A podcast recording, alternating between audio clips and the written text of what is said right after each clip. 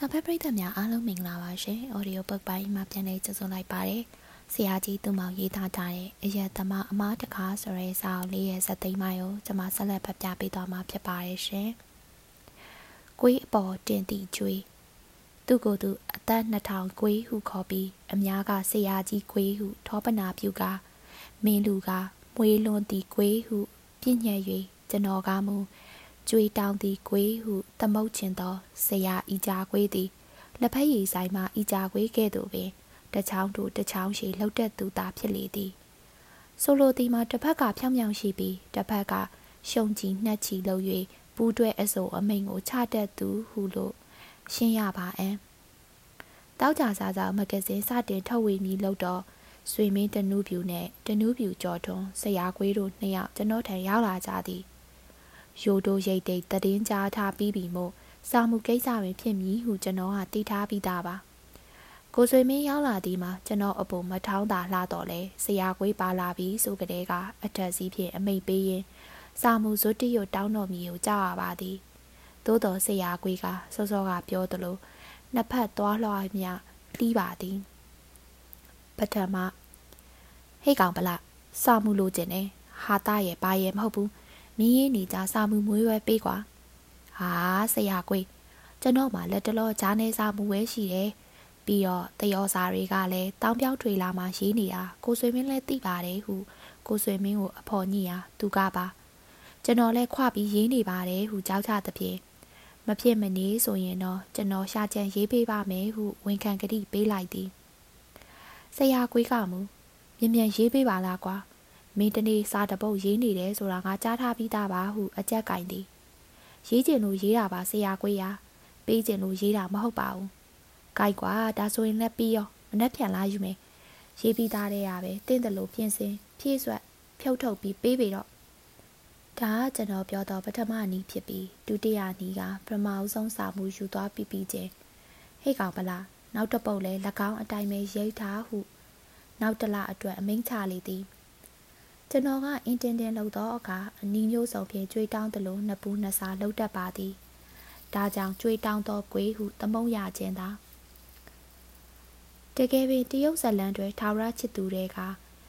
မီရှင်ပေါက်ဖော်ကြီးရေပွဲကဲ့သို့ပင်ရုပ်ချင်းလဲတူပါသည်လမ်းကြုံ၌ကျွန်တော်ထံဝင်သည်လက်ဖက်ရည်တောင်းရင်စာမှုတောင်းတတ်သည်သို့တော်တယ်လီဖုန်းဆက်သည်အမေဆက်ပုံကြည့်အောင်ဟေးကောင်စာမှုပြီးပြီလားတဲ့ ဂရီပေးမထားတော့လဲသူ့အမေကိုတန်ရောင်လိုက်ပြီးမပြီးသေးဘူးဗျာဟုဖြေမိတော့ဘယ်တော့ပြီးမှလဲမြန်မြန်လောက်ကွာဒီလိုနဲ့တလောစီကတော့စိတ်လိုလက်ရရှိသည်နဲ့အရက်သမားအမားတကားဟုစာတပုတ်ရေးမိသည်တောက်ကြစားဆောင်ကိုပဲပေးခဲ့မိသည်ပြီးခဲ့သည်လားပါသွားပြီတင်သည်အရက်တကာတောက်၍တခါမားမိကြောင်ဝန်ခံစားမျှသားဖြစ်သည်ဒါကိုဆရာကွေးကကောင်းတယ်ဟေးဗလ မင်းတောက်ခြင်းကတခါတောက်တခါမှားဆိုတော့မင်းတောက်ခဲ့သမျှအကျိန်တိုင်းမှားတော့မှာပဲဒီတော့မှားခဲ့သမျှတွေကိုဆက်တာရေးကွာငါအားပေးတယ်တဲ့လှုပ်ချလိုက်ပါသည်ဤနည်းအပြင်ဆရာကွေး၏အပျော်ဆွဲဆွဲသောနီးပင်ဖြစ်တော်သည်အယက်သမားအမားတခါစာစုတွင်ကျွန်တော်အယက်စတင်တောက်သုံးသောနေ့အမားကိုဖော်ပြခဲ့ပါသည်နောက်တစ်ချိန်မှာပင်မှာဘလို့မှားခဲ့သည်ကို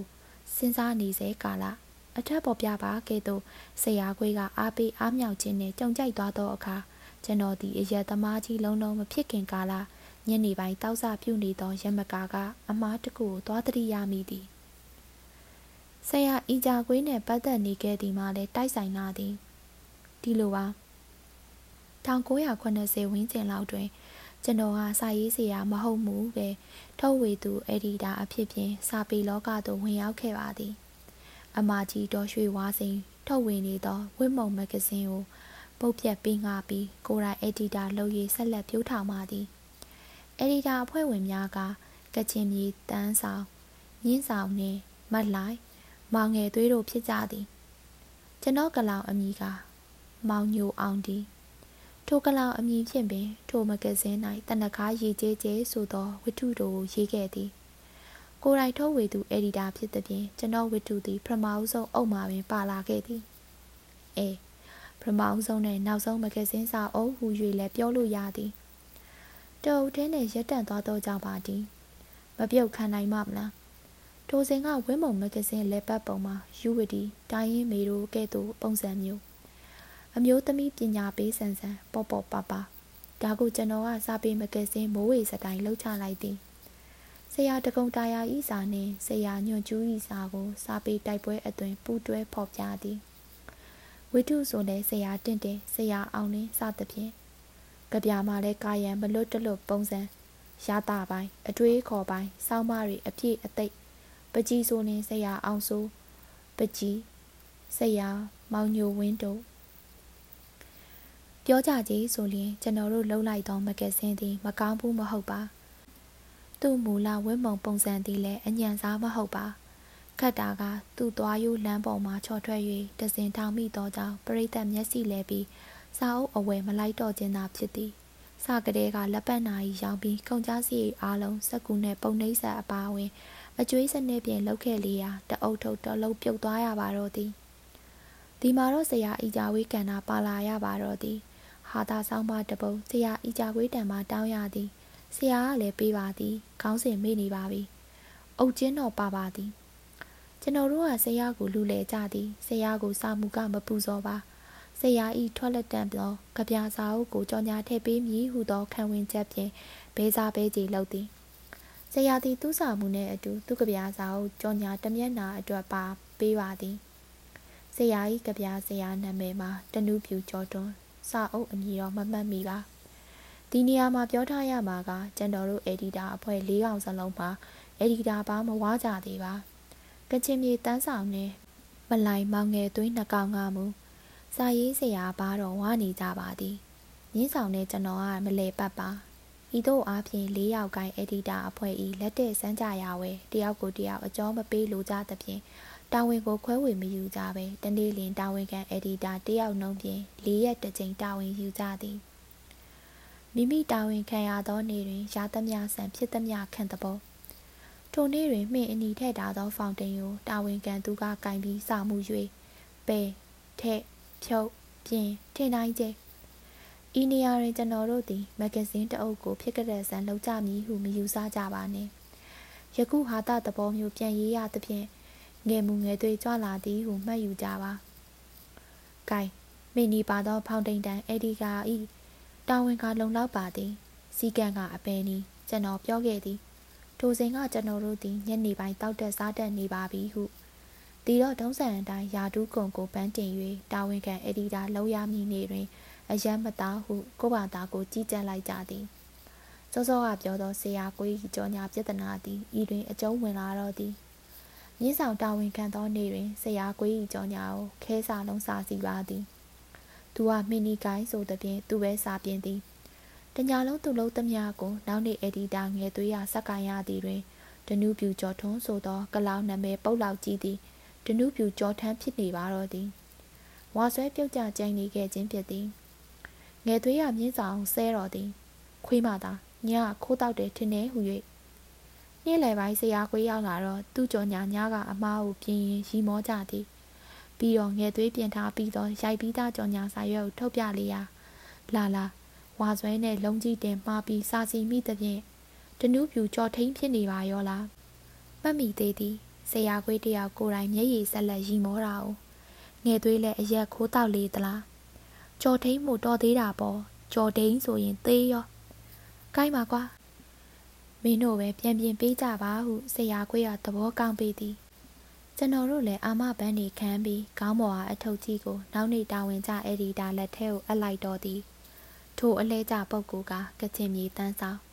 တန်းဆောင်သည်ကျွန်တော်တို့အုပ်စုထဲတွင်ပင်ကိုစာမှုလက်ရေးလက်သားအလွန်လှပသေးတတ်ပြီးတပ်ပုံအကောင်းဆုံးဖြစ်သည်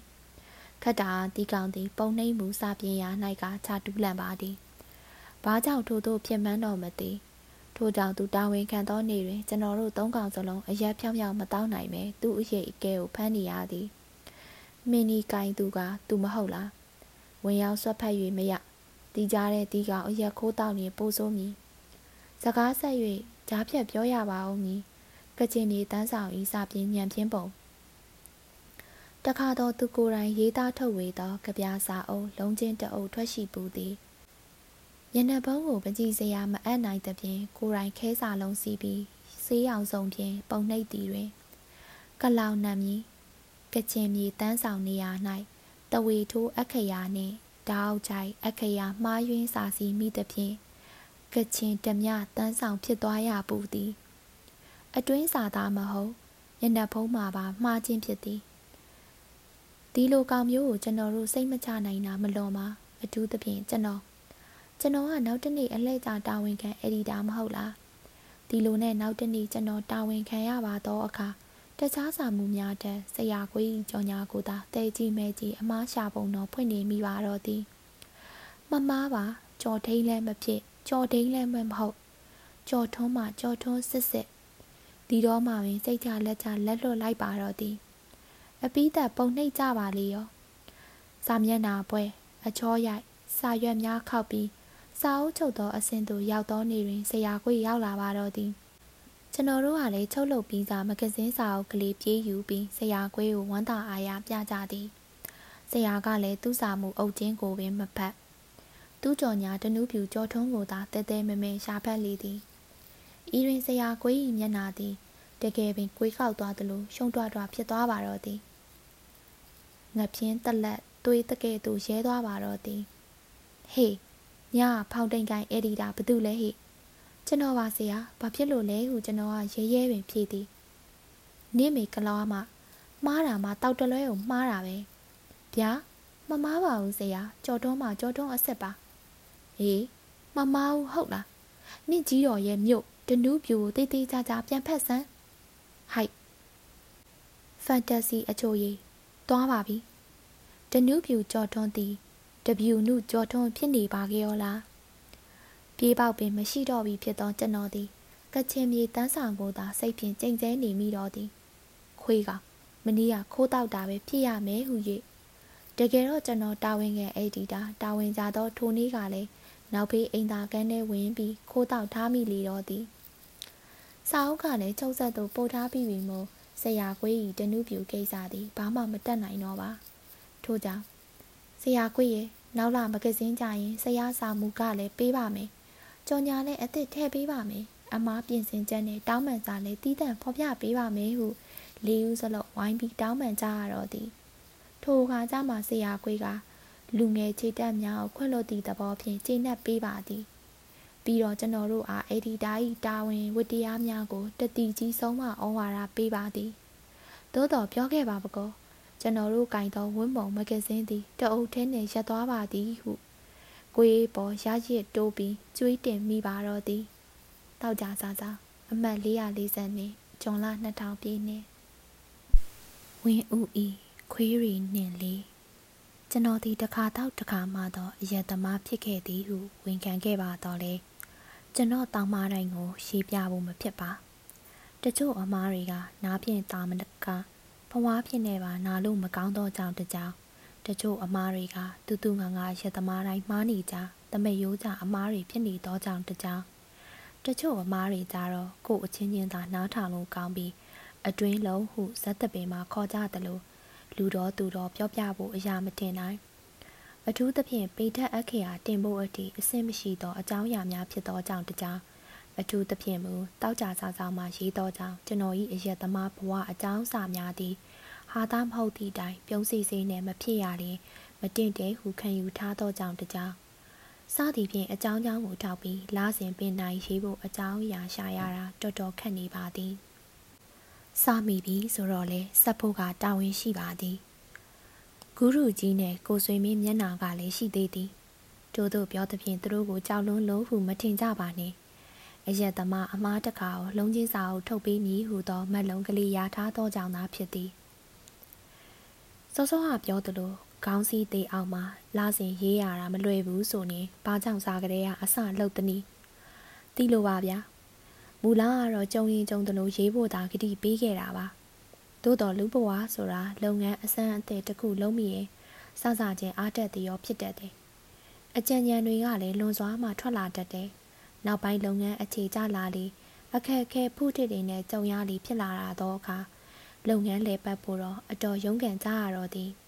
ကျွန်တော်တို့စာရေးဆရာမှန်များလေထိုနည်း၎င်းပါပဲလေကျွန်တော်ဆိုနေငါရဲ့တောက်တက်ကငါအသက်ထက်ဝက်လောက်မကတော့ဘူးတောက်တိုင်းလဲမှားတတ်တာကြီးပဲငါမှရေးစရာတောင်းမားတွေတပုံကြီးဟုတွေးပြီးကြုံသလိုရေးမည်ဟုစိတ်ကူးခဲ့ရာကစောစောကပြောသလိုရေးစာမှာလက်အလွန်တွက်ခဲ့ပါသည်တို့ကြောင့်လည်းလားစင်လိုပင်စာမှုအပ်နိုင်ခဲ့သည်ဟော နောက်ပိုင်းကျတော့အကြောင်းအရာတွေပြန်စင်းစားလာရတာအုံနောက်စားသလိုရုပ်ရှင်ဂီတလုပ်ငန်းများကလည်းအသက်ကြီးလာမှပြန်ပြီးတစကန်ထလာရာတခြားခြားနဲ့မဂဇင်းများအတွက်စာမှုရေးရခြင်းဟောပြောပွဲတွေလိုက်ရခြင်းများအပါအဝင်တောက်ကြစာဆောင်အတွက်သာမကတခြားမဂဇင်းကြားနဲ့အတွက်ပါလန်အလင်းမမိခြင်းတော့ပါဒါတောင်မနဲ့အိယာနိုးတာနဲ့ဟုတ်ဟုတ်မဟုတ်ဟုတ်စာတပိုက်တော့ကောက်ရေးသောအကျင့်ကလေးခံနေလို့တော်သေးသည် ဘာပဲဖြစ်ဖြစ်ကိုကလားစင်ပေးမည်ဟုကတိမရှိတော့လဲကိုကပင်ကနဦးအစာ၌လက်သွက်ပြီးခေါင်းစည်းသေးစာမှုများကိုရေးခဲ့မိသောမဂဇင်းဂျာနယ်များအတွက်လားစင်အပတ်စဉ်တာဝန်ကြီးလာပါသည်တိုးထက်ကဖြစ်ညစ်စူးစမ်းရသောကြောင့်စာတွေကမတန့်ကျင်တော့ပါထိုချက်တဲများအတွက်တယောက်တည်းထိုင်စင်းစားသွားစင်းစားအိတ်စင်းစားလုံးယုံနဲ့မလုံလောက်သောအခါကျွန်တော်ပတ်ဝန်းကျင်မှာလူများဆွေမျိုးများ တငယ်ချင်းအပေါင်းအသင်းများကိုအရှက်ကင်းမဲ့စွာပင်အကူအညီတောင်းရတော့သည်ကျွန်တော်နဲ့ပတ်သက်လို့ထူးခြားတာလေးများမှတ်မိတာရှိခဲ့ရင်တတိပေးစမ်းပါဗျာမိမိဒီစာစရေးစာကလေးဟာမိမိနဲ့ပတ်ဝန်းကျင်ကိုမကွယ်မဝတ်ဓာတ်ရိုက်အကြောင်းပြုရေးသားလာသူမို့ထို့သောအကူအညီတောင်းရခြင်းဖြစ်သည်ယခုတောက်ကြအတွက်မူဟေ့ငါမူတော့ကအကြောင်းတွေစိုးခဲ့တာတွေမှတ်မိသလောက်ပြန်ပြောစမ်းပါဟုတောက်ဖို့တောက်ဖက်တွေကိုရောကျွန်တော်တန်ခံရသူတွေကိုအား ရီတလို့မောတလို့ပေါ်တလို့နဲ့မေးရဆန်းရသည်အောင်မဲဒီမေးကုန်းမျိုးတွေခုနယ်ကမေးတော့လေဟိုစဉ်တောက်တုံးကတော့ဘလောက်စိတ်ပြတ်ကြမည်မသိထွက်လာလိုက်သည်ကျွန်တော်၏အမှုသမားအဖြစ်တွေอืมအခုတော့လေရီးစရာတွေလိုပါပဲလားဟုသဘောထားနိုင်ကြပုံရလေသည်သို့တော်လူဘဝမှာစာရေးစရာကိုမိမိစက်ကြောင်းများပေးရနိုင်အလွန်အကျွံရှိတတ်ကြရာစာရေးစရာကိုယ်တိုင်ကစက်ကြောင်းတောင်းသောအခါ အထူးသဖြင့်အယက်သမားဘဝအမှားများကိုလူတီတက်ပို၍လွန်ကျွံစွာပြောကြကုန်နေတော့သည်ဟာသားတွေလည်းပါသည်စောစောကပြောသလိုပေထက်အခရာတင်ဖို့အစင်းမရှိသောအကြောင်းတွေလည်းပါပါသည်အစိုးရဆုံးကအရင်ကကျွန်တော်ကိုကြောက်တဲ့ပြင်ဖွင့်မပြောရဲတော့လေအခုကိုယ်တိုင်ကတောင်းခံလာတော့အခါရည်စရာလိုလိုနဲ့မှုချိုးမြေချိုးပြောဆိုကြသည်ကိုလည်းတဟဲဟဲနဲ့အလိုက်တဲ့နားထောင်မှတ်သားခဲ့ရသည်ဤသို့ပင်ရှိစေမှတ်ညံကိန်းဝေါ်ရာ ဘဲဘက်အချမ်းအုံနောက်ကိုအတုံးချမှုနေသည့်ကျွန်တော်အတွက်မူရသမျှအမြဲဟုသာသဘောထားသည်နောက်တဖန်မရတတ်တော်လဲရှေးဟောင်းနှောင်းဖြစ်တွေကိုပြန်ခံစားရသည်ရှေးဆက်မမားဖို့အတွက်တတိထားနိုင်ပါသည်တလောကတော့မင်းသားထွန်းထွန်းဝင်းနဲ့ကြားနဲ့တခုမှစုံဖြစ်ကြသည်သူသည်အရသမားတငယ်ချင်းမဟုတ်တော့လဲနာမည်ပြက်ယုံကလေးလောက်တော့ကျွန်တော်နဲ့တွဲတောက်ပူးသူဖြစ်လေရာတငယ်ချင်း ငါတောက်တုံးကစိုးခဲ့တဲ့အကြောင်းတွေမှတ်မိသလောက်ပြန်ပြောစမ်းပါဟုစကားခေါ်မိပါသည်ကျွန်တော်စကားကြတော့ထွန်းထွန်းဝင်း၏အပြုံးသည်ပင်ကိုမူလာငခုပြုံးထက်ပိုးပြီးငပူရင်းရီတလူကြီးတီဖြစ်သွားပါသည်ဒီဥပမာကဆရာကြီးတွေစကလုံးကိုယူသုံးခြင်းမဟုတ်ပါငခုနဲ့တော်တော်တူပါသည်ပြီးတော့သူမှတ်မိသလောက်တော့ကျွန်တော်စိုးချိုးများကိုဟိုတန်စတီတန်စပြန်ပြောပါသည် သို့တော်သူပြန်ပြောသမျှစောစောကပြောခဲ့သလိုကိုချင်းသာရီပွဲဖွဲ့နိုင်သောတွင်းပြက်လုံးများဖြစ်နေပါသည်သို့တော်ကျွန်တော်ကိုယ်တိုင်မရေးပဲနှစ်ပေးအမြင်ဖြင့်ရေးလင်ပိုကောင်းပါလိမ့်မည်ထို့ကြောင့်ကြိုက်ကွာအရက်တောက်ပြီးငါကခံလိုက်ရတဲ့အကြောင်းတွေရောမမှတ်မိဘူးလားဟာအများအားဖြင့်ကတော့မင်းတန်ခံရတာကြီးပါပဲဒါပေမဲ့တခုတော့မှတ်မိတယ်အကိုကြီးဝင်းဦးအင်္ဂလန်မှာခွဲစိတ်ကူတာမှုခံပြီးပြန်လာကားစားက မင်းနဲ့ငါ့ကိုအရက်ခေါ်တိုက်တာကံကောင်းလို့ငါတို့တရက်ခန့်ဖြစ်မသွားတာလေဟုအစားချီပါသည်ဟုတ်ပါမင်းသားကြီးဝင်းဦးအင်္ဂလန်မှခွဲစိတ်ပြီးပြန်လာကားစားကကန်နာလန်ဟိုတယ်မင်္ဂလာဆောင်တစ်ခုမှာဧကန်တချင်းဆိုရင်စုံမြင့်ကြသည်ထွန်းထွန်းဝင်းလည်းပါသည်မှတ်မိသေးသည်ဦးဝင်းဦးတချင်းဆိုတော့မင်္ဂလာဆောင်ပုံစံမဟုတ်ပဲပရိသတ်ကလက်ခုပ်ဩဘာရီပေးကြသည်တဘောကတော့ဖြင့်တေရွာပြန်တူအနေဖြင့်ဂုံပြုခြင်းပေါ့ ဦးဝင်းဦးကိုယ်တိုင်ကလည်းကျွန်တော်ကတေရွာပြန်ပါခမညာဟုဝန်ခံပြောကြခဲ့သည်ဒီလိုနဲ့မင်္ဂလာပွဲမှာထပြန်ကြမည်လို့တော့ဦးဝင်းဦးကဟေးရွှေသူးနဲ့ဖိုးထွန်းငါနဲ့လိုက်ခဲ့ကြပါလားဘယ်ပွဲကိုကူအောင်မလို့လဲကို့အခန်းပြန်ပြီးအရက်တော့ရအောင်ဟာ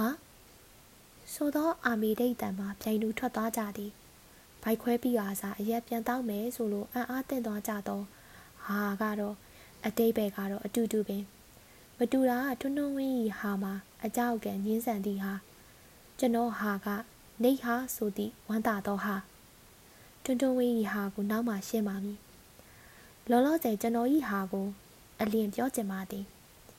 ဦးဝင်းကပိန်ကြားသည်ကိုကျွန်တော်ဘာကြောင့်ဝမ်းသာရသနည်းနိုင်ငံခြားအရက်ကောင်းကောင်းတောက်ရမှာမဟုတ်ပါတေချာတာကတော့နိုင်ငံခြားပြင့်မဟုတ်တောင်ပြည်တွင်းပြည်နိုင်ငံခြားအရက်ကောင်းတောက်ရမည်အမည်ဆိုတာကတော့ special ပင် ကျွန်တော်ကဦးဝင်းဦးနဲ့တွဲတောက်ဘူးသူမဟုတ်တော့လဲရံပန်ရံကစုံတက်သည်နှစ်ယောက်ချင်းတော့မဟုတ်အများနဲ့ဝိုင်းဖွဲ့ခြင်းဖြစ်သည်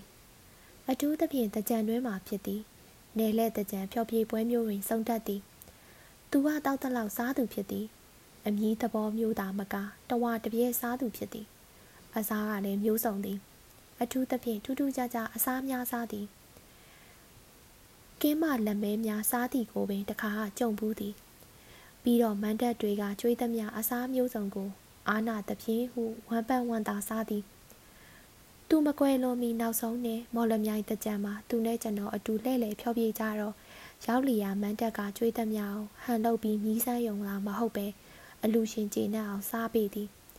ဒီတော့သူကအမှုတန်ကိုခံနိုင်သည်ကျွန်တော်ကတောက်ရင်အမီးမျှပဲမစားသဖြင့်နည်းနည်းတောင်များများမှုသည်တခုပဲရှိသည် ထိုနှစ်ကမော်လမြိုင်တကြံမှာအစားဆုံးသဖြင့်ဦးဝင်းဦးခမဆေးသွင်းရသည့်အဖြစ်သို့ရောက်ရရှာသည်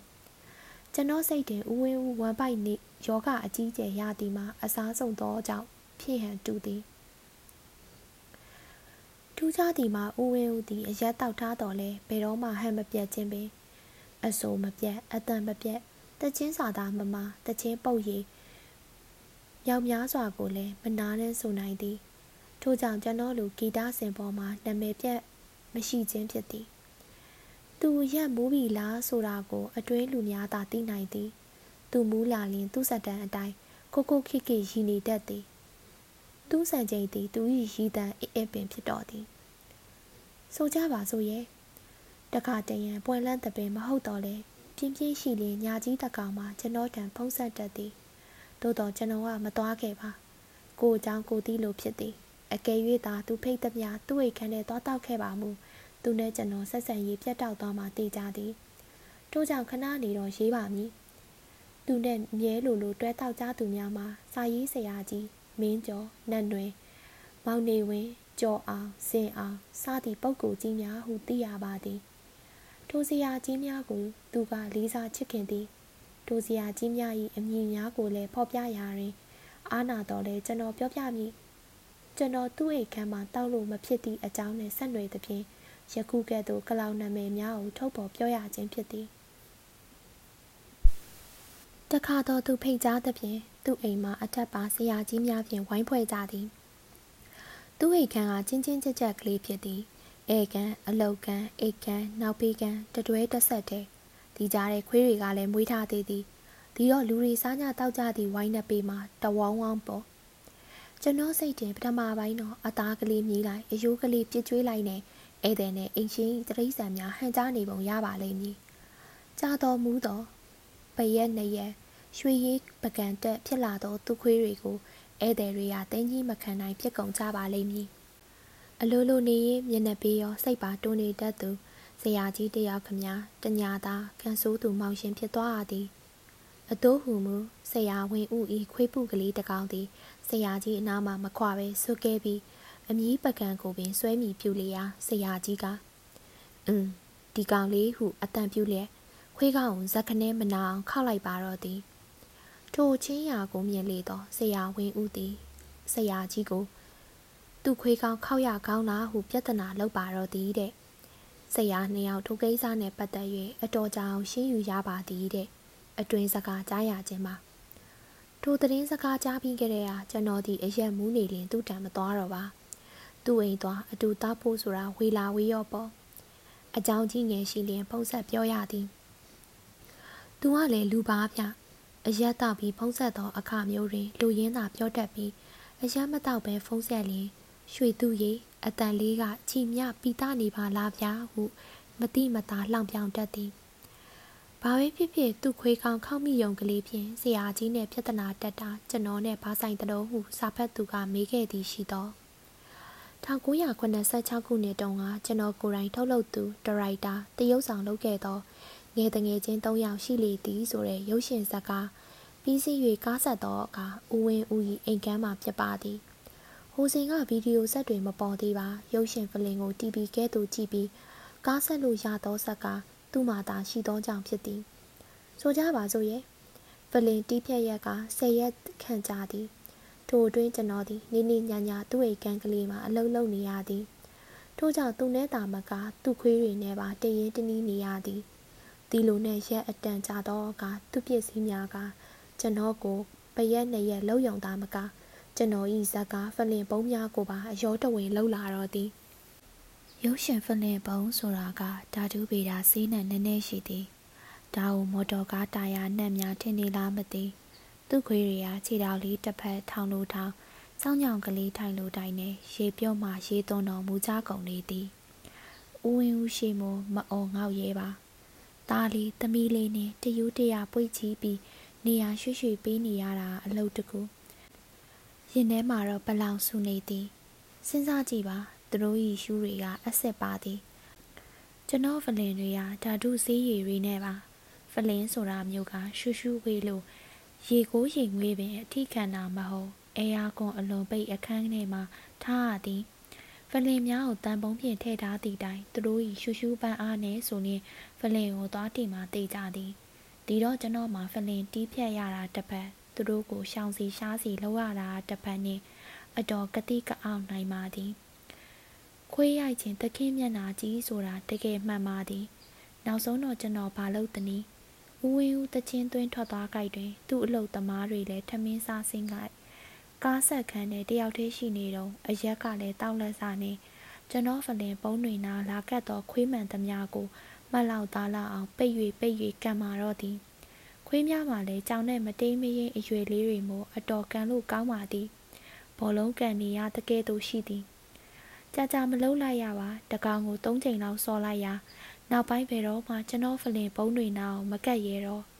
ဦးဝင်းဦးရှိမိမိမိတောက်တောက်တောက်ချစ်ကြည်တရားအတန်ပြူတာတော့ဒင်းတို့ကျွန်တော်နာမလာရဲတော့ပါဝေဝေးရှောင်ကုန်သဖြင့်ကျွန်တော်မှဦးဝင်းဦးမရိမ့်မိစေရန်လူတီတက်ပို့၍အယောဝင်ပြနေရတာတော့အလုတ်ပိုးသွားတာပေါ့လေ။ကင်စာဖတ်သူတကယ်၍သာ ဦးဝင်းဦးကအရက်တောက်ဖိတ်ကြားစဉ်ကသွားတောက်မိလို့မူးပြီးဆိုရင်ဆရာကြီးကဲ့သို့အင်းဆိုပြီးခေါင်းကလေးအသာခောက်မိမှာမဟုတ်ဟဲ့ခွေးနာဆိုပြီးထားကန်မိမှာတေချာမှန်းသဘောပေါက်လောက်ပါပြီသူရှိမှလည်းရှောက်မှာမဟုတ်ထိုအခါသူနှင့်ကျွန်တော်မြင်မြပြဿနာကြီးသွားမည်ဟုစဉ်းစားတော်မူကုန်ကြပါတော့နော်နှုတ်မုတ်ဖြင့်တေကန်းပြတ်မှတေးကြသည်อืมသူကွယ်လွန်သည့်အထိထိုအကြောင်းကိုသိမသွားတာကံကောင်းပြီစွာ သူခွေးတွေကလည်းလူစကားမတတ်သဖြင့်ပြန်မတိုင်တာတော်ပေးသေးစွာ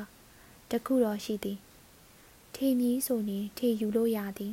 ကျွန်တော်နဲ့အေးပုံတို့မင်္ဂလာစိတ်ဆက်ပွဲမှာသူလာပြီးချင်းမြင့်ပေးသလိုသမီးဦးစိုးအိမ်သူမွေးတော့လဲခလေးကြည့်ကျင်သည်ဟုဖုံးဆက်သဖြင့်သူ့အိမ်ကျွန်တော်သမီးလာသားကလေးကိုခေါ်ပြီးသွားပြခဲ့ရသည်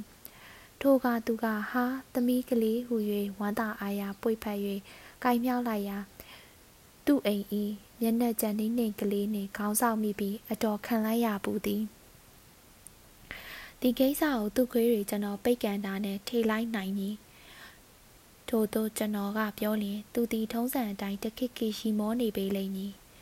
ကောင်းပါပြီဤစာစုထိတ်စာပိုင်းမှာပြောခဲ့သည့်ကိစ္စကိုပြန်စကြပါအောင်ဆိုဦးဝင်းဦးအင်္ဂလန်မှပြန်လာကစားယောဂပြောက်စားကန်နာလန်ဟိုတယ်တွင်စုံကြတော့ကျွန်တော်နဲ့ထွန်းထွန်းဝင်းကိုသူ့အိမ်လိုက်ပြီး အရက်တော့ပုံဖိတ်ခေါ်သည့်ကိစ္စထွန်းထွန်းဝင်းကကြောက်လန့်ပြီးဟာဟူအာမေရိတ်ပြုတ်သည့်ကိစ္စကျွန်တော်ကမူဆိုခဲ့တယ်လို့အရက်ကောင်းတောက်ရနေပြီးရောဟုဝမ်းသာအားရရှိခဲ့တော့လေနေရာတကာစိတ်ဆက်သေးကြတော့ထွန်းထွန်းဝင်းကမူဟာအကိုကြီးကလည်းဘိုက်ခွဲပြီးကစားပြန်တောက်လို့ရပါမလားဟိတ်ကောင်ဖို့တွန်းကိုကဆရာဝန်ကမှားလိုက်တယ်စားကျင်ရစားတောက်ချင်တာတောက်ဝိတ်တွေပါလေပြန်မကျင်မဂျွန်းထိုးလို့တောင်ရတယ်တဲ့ သူစကားကြတော့ထွန်းထွန်းဝင်းကကျွန်တော်ပေါင်ကိုလက်ကုပ်ပြီးသူနဲ့မလိုက်ရင်ကောင်းမယ်ဟူသောသဘောမျိုးလက်ခပြသည်ထိုအခါတွင်ကြမှာကျွန်တော်မှလည်းသူစကားကိုအတွေ့အမျိုးပေါက်မိတော့သည်อืมလူနာစိတ်ချမ်းသာအောင်ဆရာဝန်တွေကနှစ်သိမ့်လိုက်တာများလားဟူ၍ဖြစ်သည်ထွန်းထွန်းဝင်း၏ဇကားနှင့်ကျွန်တော်အတွေ့ကိုပေါင်းဆက်သောကျွန်တော်တို့ထိုနေ့ကဥဝင်းဦးနဲ့လိုက်ပါမသွားဖြစ်တော့ပြီ တိုဒီမှာတစ်ခါတော့တစ်ခါမှားတတ်သောကျွန်တော်အတွက်ကံကောင်းထောက်မှခြင်းဖြစ်သွားရပါတော့သည်အเจ้าမှာနောက်များမကြမီတွင် အဆိုကျော်ရုပ်ရှင်မင်းသားစာရေးဆရာဝင်းဦးတယောက်ရန်ကုန်မြားရတနာစီယုံတွင် အတွင်းလူနာအဖြစ်ပြန်လဲတက်ရောက်ကုသခဲ့ရာနောက်ဆုံးကွဲလွန်ခဲ့ခြင်းပင်ပြီရဲကြောင်ဟုတ်သည်ဖြစ်စေမဟုတ်သည်ဖြစ်စေသူကံတရားနှင့်သူဖြစ်သွားခဲ့ရသည်မှန်တော်လဲမတော်လို့သာသူအရက်တောက်ရာဖိရသူ ကျွန်တော်နဲ့တွန်းတွန်းဝင်လိုက်ပါသွားခဲ့မိပါတော့ပိန်းနေပင်ဖြစ်သောအရက်သမားသူ့မောင်တယောက်တရခံဖြစ်ရအောင်မည်မှာမလွဲဟုထင်ပါတော့သည်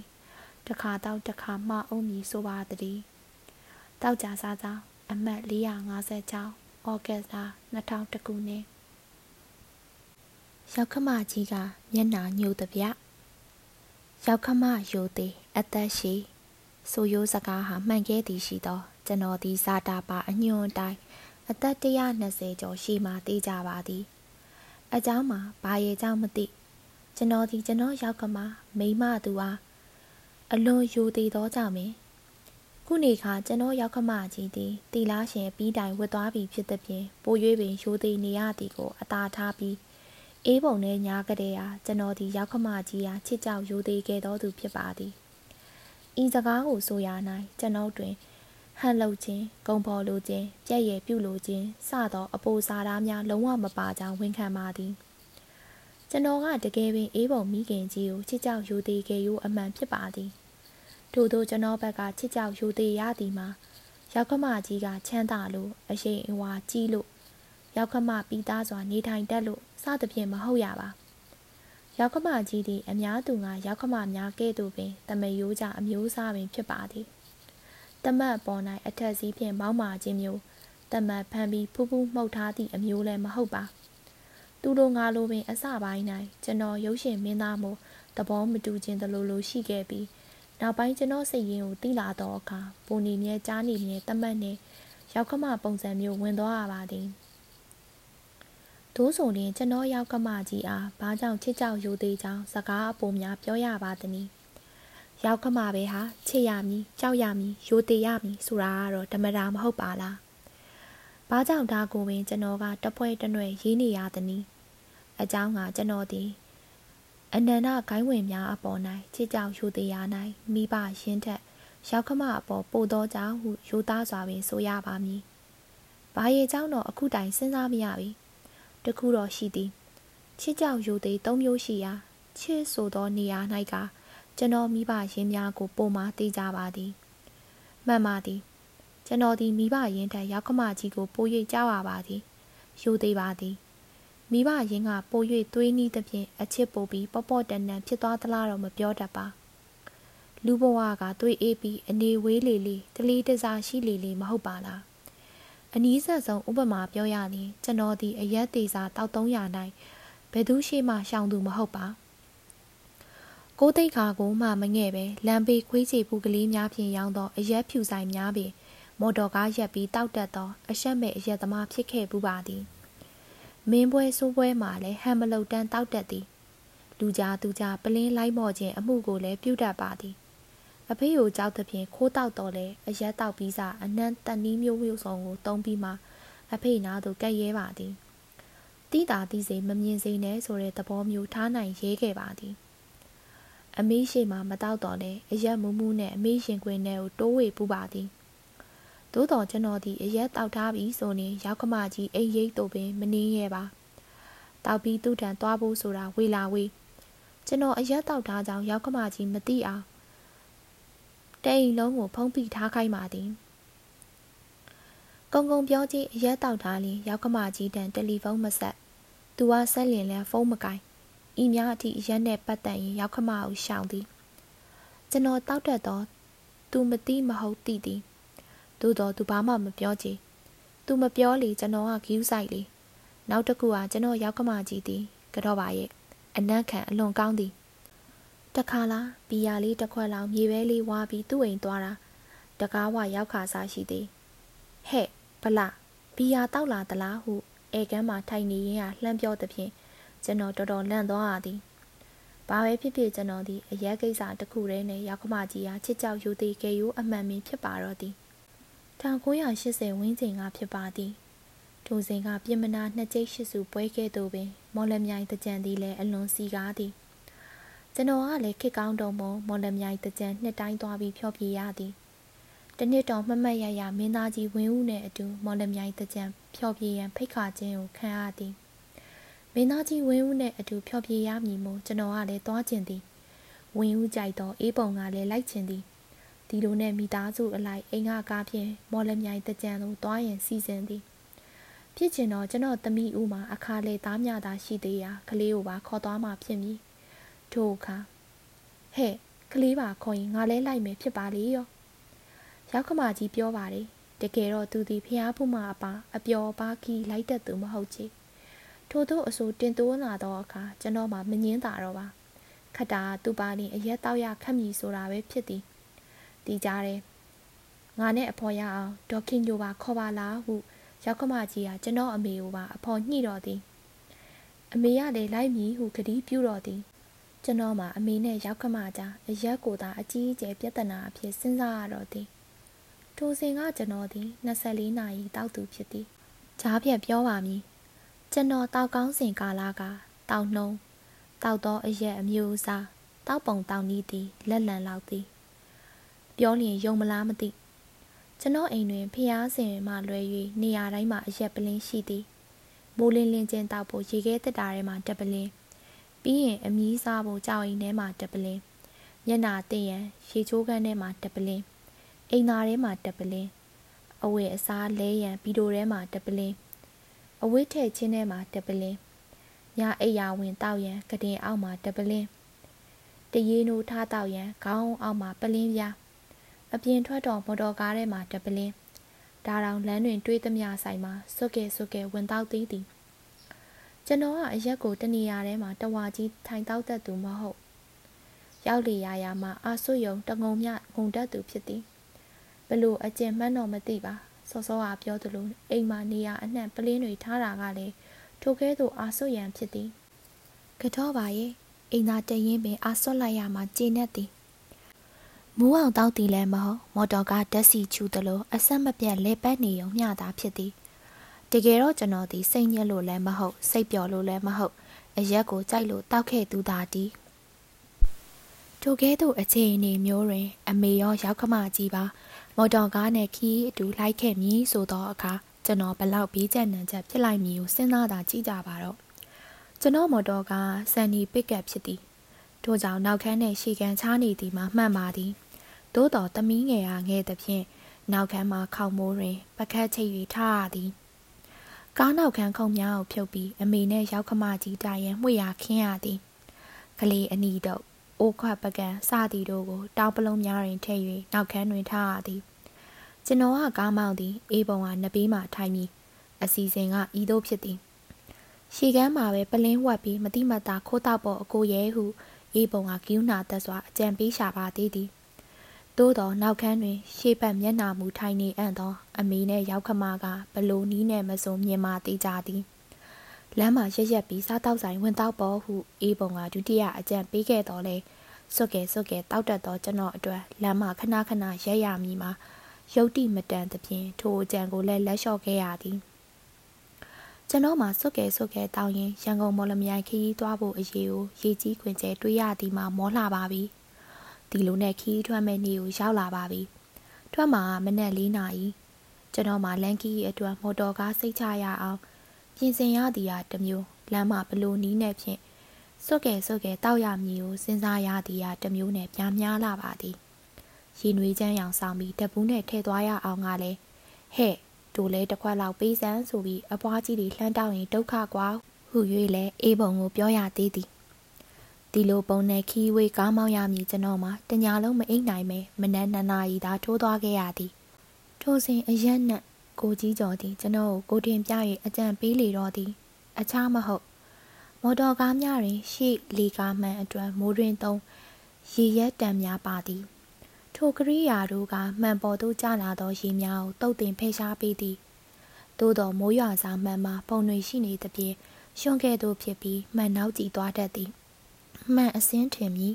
တို့ကြောင့်မှန်ပေါ်သို့အလိုအလျောက်စက်ပြမြုပ်ဖြန်းပေးသောကရိယာပါသည် ကလုံးနှိမ့်လိုက်လျင်မှန်ပေါ်သို့ရှူကနေဖြန်းပေးပန်းပေးသည်ထိုကရိယာနှင့်စက်ပြရည်ဘူးကိုကျွန်တော်ကတတိယသွားသည်ချက်ချင်းပင်အိယာမှထားပြီးမော်တော်ကားဆက်ပုံးကိုကျွန်တော်ဖွင့်တော့သည်ထိုကရိယာနှင့်စက်ပြဘူးကိုဖြုတ်သည်စက်ပြများကိုကုံစင်အောင်တီးချစွာစီးကြောလိုက်သည်ပြီးတော့ပြန်တက်သည်စက်ပြရီဘူးတဲ့သို့အရက်ထိတ်ကြည့်သည်တပလင်းခွဲခန့်ဝင်သွားသည်ဒါဆိုကျွန်တော်မော်လမြိုင်ခီးအတွက်စွတ်ကဲစွတ်ကဲလှုပ်ဖို့အတော်ပဲ ပြီးတော့မှန်ပေါ်သို့စက်ပြရီပြန်သောပိုက်ဆက်ကိုဖြုတ်သည်ထိုနေရာတွင်လူမမာများဒရစ်သွင်းသောပိုက်ကိုတက်ကြည့်သည် အတော်ပဲပလတ်စတာဖြင့်အရေးလုံးအောင်ပိတ်ကတ်သည်ထိုဒရစ်ပိုက်ကိုကားတွင်းကန်းသို့တွဲယူပြီးကားလက်ကင်ခွေအနီးမှာခလုတ်တစ်ခုတွင်တရေခွေးနှင့်အသာကျိတ်ထားလိုက်သည်စက်ပြာရီဖြန်းသောခလုတ်ကိုနှိပ်ကြည့်သည်ဟောအယံများဒရစ်ပိုက်မှပန်းထွက်လာတော့သည် ထိုပန်းထွက်လာသောအယံများကိုအသာကလေးပါဇက်ဝါမှဆွတ်လိုက်တော့ဟန်ကိုကြလို့ခလုံးနှိမ့်လိုက်ရင်မြို့ချစရာပဲမလို့ရှုကနေပန်းပြီးလေချောင်းထဲကိုတန်းဝင်သွားတော့သည်အိန္ဒိယပြင်ပလင်းမလို့ဖန်ကွက်မလို့ဂျက်ပိုက်ကလေးပါဇက်မှာစောပြီးခလုံးနှိမ့်လိုက်ရှုကနေပန်းလာကအရက်များကိုမြို့ချလိုက်နဲ့ရန်ကုန်မော်လမြိုင်ခီးစဉ်၌အမေနဲ့ရောက်ခမကြီးမသိအောင်ကျွန်တော်အရက်တောက်နိုင်ခဲ့ပါတော့သည်မှတ်ချက်ကျွန်တော်ညီကို နမဲကျော်ရုပ်ရှင်မင်းသားကြီး၃-၄ယောက်အားကျွန်တော်ကဒါနမျှဝေခဲ့ရာသူတို့လည်းဟန်ကြားနေပြီဟုတတိယပါသည်ပြဿနာမှာခီးလမ်းမှာမဟုတ်မော်လမြိုင်ရောက်မှဖြစ်တော်သည်ခီးရောက်မဆိုင်ဆိုသလိုပင်တဲခိုဆောင်ရောက်ရောက်ချင်းကျွန်တော်အားမင်းသားကြီးတူလည်းပါသဖြင့်တာဝန်ရှိသူများဝီစကီဖြင့်ဧကန်ရန်ဖိတ်ကြားလေတော့သည်တလန်းလုံးလဲတောက်ထားသဖြင့်အချိန်ကလေးရရနေလေရာချစ်ကြောက်ယူသေးရသောရောက်ခမကြီးအားမျက်နှာကြိုသွင်းပြီးဧကန်ပွဲကိုကျွန်တော်လိုက်သွားတော့သည် ဟိုမာကဝင်းဦးနဲ့သူ့မှာထူးထူးခြားခြားတွဲရမိပွဲမှုအထူးတလဲစီစဉ်ထားကြရာဝီစကီမျိုးစုံနဲ့အစင်သင့်ဖြစ်သည်လူကြီးလူကောင်းပွဲဝင်ဖြစ်တော်လဲတကြံတွဲမို့တိတ်ပြီးဟန်မဆောင်နိုင်ပါတောက်ကောင်းကောင်းနဲ့တောက်လိုက်ရာညမိုးကျုပ်တကောင်ကျော်ကျွန်တော်တို့တာဝန်ရှိသူများတွဲပြီးတဲကိုဆောင်ကိုလိုက်ပို့ရသည့်အဖြစ်သို့ရောက်ပါတော့သည်ဤတွင်ကျွန်တော်အမှုသမားသူ့မောင်ကိုအမေရောရောက်ခမကြီးပါပတ်ပြီးမိသွားပါတော့သည် အစာကလေးကတီထားနေတော့အမေကဘာမှတိတ်မပြောချင်နဖူးတွေတူးတွေကြုံရသောရောက်ခမကြီးခမတော်တော်စိတ်မချမ်းမသာဖြစ်သွားပုံရသည်ကတင်ပေါ်ပက်လက်လန်ပြီးထုံးစံအတိုင်းမူးလျင်ညီးညူနေကြဘုံရီပုံရီအေးပုံဟူသောတခြင်းမကြကြပြရွတ်တံမကြသောကျွန်တော်အတန်ကိုရောက်ခမကြီးကြားသွားလေတော့သည် ညလေရောက်ကျွန်တော်တရေနိုးချိန်တွင်ကျွန်တော်ကတင်ပေါ်တင်ပလင်လွှဲ၍ထိုင်နေသောရောက်ခမကြီးကိုပထမဆုံးမြင်လိုက်ရသည်အမှုကတော့မပြေသေးပေပြီးတော့ကျွန်တော်ရှင်ဘက်ကိုသူ့လက်ကလေးဖြင့်ပြီးရင်တွတ်တွတ်ပြောနေသောရောက်ခမကြီးအတန်ကိုလည်းကောင်းစွာကြားနေရသည်။တားရဲ့အမိမှာတမီးလေးယောက်ရှိတော့တမက်လေးလေးယောက်ရှိတာပေါ့ကွယ်။ဒါပေမဲ့တမက်တွေအားလုံးထဲမှာမင်းကိုအမေကအချစ်ဆုံးပါ။ဒါကမင်းပတ်စံရှာနိုင်လို့ နာမည်ကြီးလို့အေးပုံကိုဂီယူဆိုင်လို့ဆိုတာတွေကြောင့်မဟုတ်ပါဘူး။မင်းဟာစာရေးဆရာတယောက်ဖြစ်နေလို့ပါ။အမေတို့အမျိုးထဲမှာစာရေးဆရာတယောက်ရှိတာကိုပဲအမေကဂုံယူလို့ပါအရက်မတော့ပါနဲ့လားကွယ်စာဖတ်သူရောက်ခမကြီးစကားသည်ဘလောက်လှပါသနည်းဘလောက်တန်ဖိုးရှိပါသနည်းသို့တော့တစ်ခါတော့တစ်ခါမှားတတ်သောကျွန်တော်သည်ထိုအခါ၌လည်းအရက်မူးလွန်ပြီးစကားမှားခဲ့ပြန်ပါသည် ဟုတ်ကဲ့ပါအမေကျွန်တော်ကလည်းရောက်ခမတွေအားလုံးထဲမှာအမေကိုအချစ်ဆုံးပါကျွန်တော်စကားဘဲရောက်သွားသည်ကိုစဉ်းစားတာကြည့်ကြပါတကြံပြီး၍ရန်ကုန်ပြန်ရောက်သည့်အထိချစ်သောရောက်ကမကြီးကျွန်တော်ကိုစကားမပြောတော့ကြည်တောက်ကြစားစားအမတ်452ဧပြီလ2000ခုနှစ်မုတ်ဆိုး3ယောက်နဲ့တမင်များမမတ်ရရ1980ပြည့်နှစ်ဒီဇင်ဘာလဖြစ်ပါသည် မမတ်ရရဆိုရခြင်းမှာ1980ဖေဖော်ဝါရီလတွင် ကျွန်တော်သမီးကြီးစိုးရင်သူကိုမွေးဖွားခဲ့ရာအခါလည်းမပြေသေးမီသမီးကိုခေါ်၍ဇနီးနဲ့အတူခီးထွက်ဖြစ်သည်ကိုတတိယနေတော့ကြောင့်ပေသည်။တွားရသည့်ခီးရလည်းစာပေဟောပြောပွဲတကယ်တော့စာပေခီးဆိုသည်မှာတကူတဲ့လွတ်လွတ်လပ်လပ်သာသွားဖို့တင့်တော်လဲ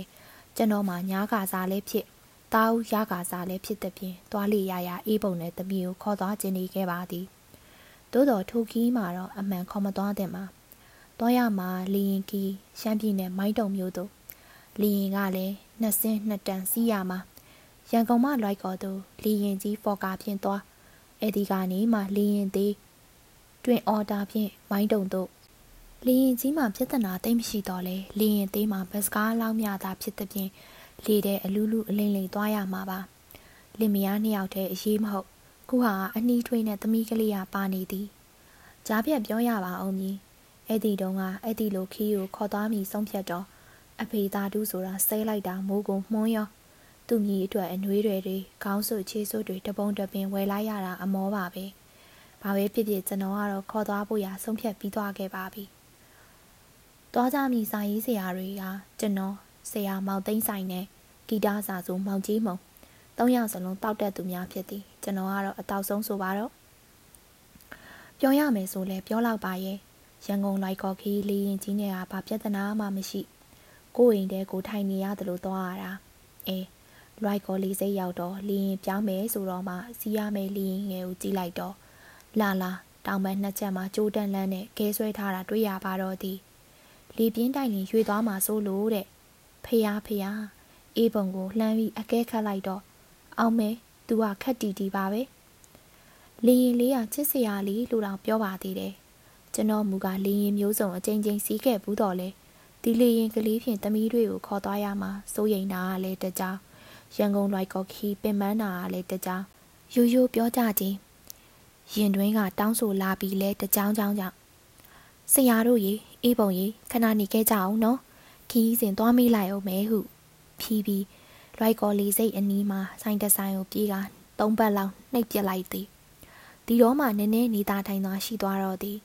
သွေးလဲဆူလာပြီးလီရင်စီးရန်တက်တိမွေးနိုင်လာတော့သည်ဒီလိုနဲ့လေထဲတွင်ငှက်ငယ်ဝဲသလိုအလူးလူအလိမ့်လိမ့်ချင်းတတိတ်တိတ်ခီးနေခဲ့ကြရာမိုင်းတုံတို့ချောမောစွာရောက်ပါသည်စာပေတာဝန်ခံများပါတီကောင်စီမှပုဂ္ဂိုလ်များအသင့်ကြိုနေပါသည်ထူးခြားသည်မှာလီရင်ထဲမှာတော့ကနေတော်ဟာ လီရင်ပေါက်ကလည်းထွက်လိုက်ရော နေပူထဲမှာလာတော့သူရေခဲကန်းနဲ့ဝင်လိုက်သလိုစိတ်ကနေခံစားလိုက်ရခြင်းပဲတော်တော်အေးပါလားမိုင်းတုံရဲ့ဒါတောင်ကျွန်တော်တို့ရောက်တာနှိလေခင်မှာအေးပေါ့လေဒီဇင်ဘာလာကြီးပေကိုကျွန်တော်တို့ရောက်သွားတာကဒီဇင်ဘာ24ရက်နေ့ပါဟောရမှာက25ရက်နေ့ခရစ်စမတ်နေ့နေ့လယ်ပိုင်းမူလာတန်းကြောင့်ခမ်းမမှာဟောရမှာဖြစ်သည်ထို့ကြောင့်ရောက်ရောက်ချင်းဒီနေ့ညကောင်းကောင်းနားရပါသည် နားရသည်ဆိုပေမဲ့ဟိုကဧခန့်တီကဧခန့်နှင့်မို့တောက်နေတာကများပါသည်အေးပုံခမညာမှာမချစ်တော်လဲအောက်ကနန်းဆိုသလိုကျွန်တော်တို့တောက်ကြတာအောင်မျက်စောင်းမထိုးရှာပါပြီးတော့အနီးထွေးတဲ့သမီးကလေးကိုတစ်ဖက်ကလည်းမဟုတ်လားညာပိုင်းရောက်တော့လဲပို၍တောက်ဖြစ်လာကြတော့သည်ကျမ်းပြင်ပေါ်ချင်းနှင်းရသည်ပင်ရေခဲပေါ်လမ်းလျှောက်နေရသလိုမျိုးအေးတန်ကိုကာကွယ်တာလဲပါသည်တောက်ချင်တာတောက်တာလဲပါသည် မတောက်ဘူးသေးသောတမင်တစိမ့်အရက်မို့တောက်ကောင်းညာသည်အထူးသဖြင့်ပင်ခရစ်စမတ်အကျိုးညအနေနဲ့ခရစ်ယာန်များကမိဘုံကလေးများကိုစီစဉ်ပြီးကျွန်တော်တို့ကိုတချင်းဆိုဧကန်ဖျော်ဖြေလျာအရက်ပါပါလာတော့ဒီကိုကြားပြက်ပြောရပါအောင်ကြီးခရစ်စမတ်အကျိုးညအဖြစ်ဂီတာတီးတချင်းဆိုဧကန်ကြသူများအများစုမှာဖြူဖြူဖွေးဖွေးပါအိုနီနီကလေးနဲ့ကောင်းမကလေးများဖြစ်လျာ ဆရာမောင်သိန်းဆိုင်နဲ့ဂီတစာဆိုမောင်ကြီးမုံတို့အကြိုက်ပေါ့ကျွန်တော်ကကောတဲ့နံပါတ်ပြားကြီးအေးပုံပါလာတော့ကြောင့်သာအမိကုန်နေရသည်နှုံမုံဖြင့်သူတို့နဲ့ဝင်ရောပြီးတချင်းတွေဆိုတွဲကလှုပ်ဖြစ်ခြင်းလှုပ်ဖြစ်မှာအသေးကြပဲပေါ့ဟိုဆရာနှစ်ယောက်ကတော့လူလွတ်ကြတာမို့နည်းနည်းကဲကျင်နေကြသည်ဆရာသိန်းဆိုင်မှာစက်မင်းသားဝင်းပုံနဲ့ခက်စင်စင်မို့ထိုညာကသူသည်စူပါဖြစ်နေသည်သူသည်ပါဝနီကလေးများဖြင့်ရောနောက တချင်းတွေဆိုတွဲကလှုပ်ပါသည် မောင်ကြီးမုံကတော့ရှမ်းမကလေးရီနာကပ်ပြီးရှမ်းစကားတွေတင်နေသည်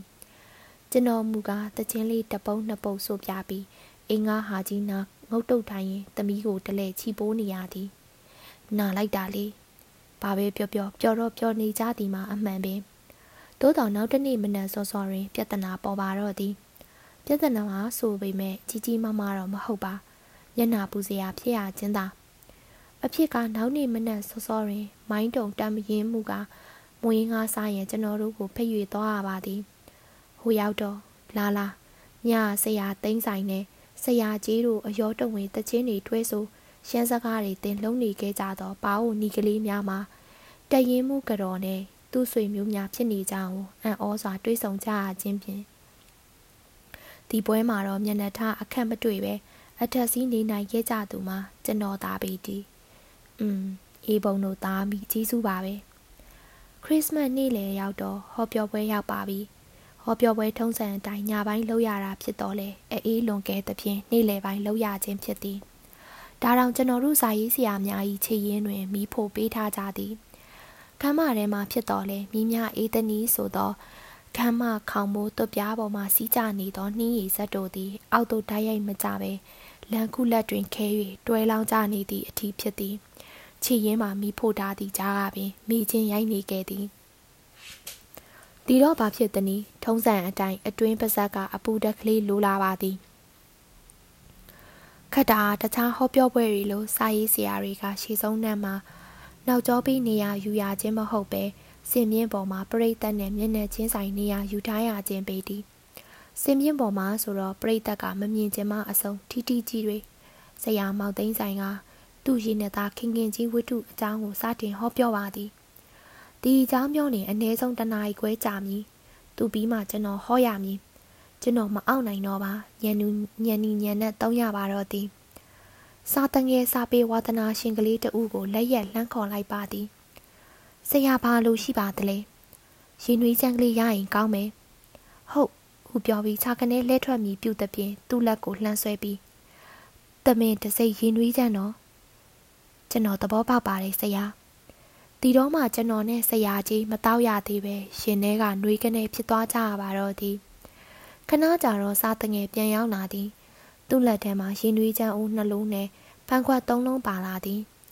ကျွန်တော်တို့ရှိကစပွဲပေါ်မှာကြာရင်ဒီဘက်အိုးကအစ်စ်ဒီဘက်အိုးကအတုစရာဟုတီတိုပြောသွားပါသည်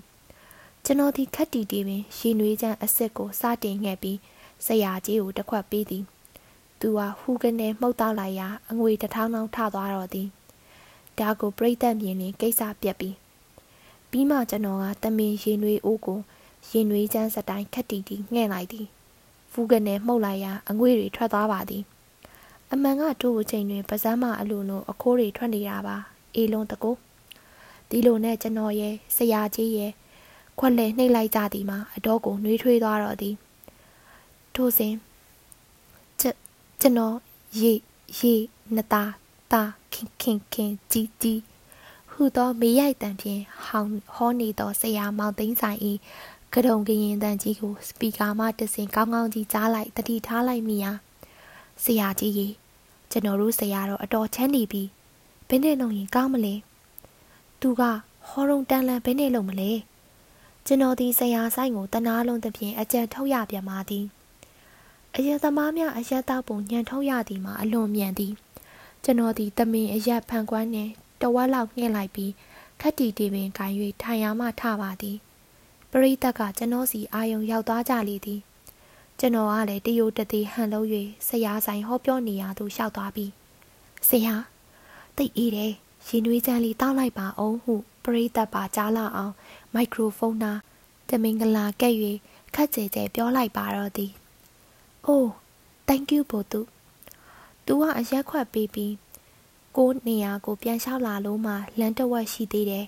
။ပတ်တုပ်လို့မရအောင်ရီမောလိုက်တော့ပြိသက်အတန်ကြီးကိုကြားလိုက်ရသည်။တကယ်တော့ तू ပြောနေတော့အကြောင်းအရာမှလေးသက်ဖြင့်ပရိသတ်ကပထမရီမောခြင်းလုံးဝမရှိခဲ့ပါ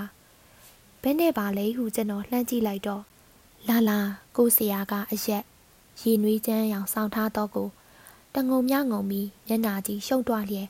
ဖြစ်ညင်မြို့ချရင်အနီးရှိရေပလင်းတဲမှာရေများထက်ရောနေတာကို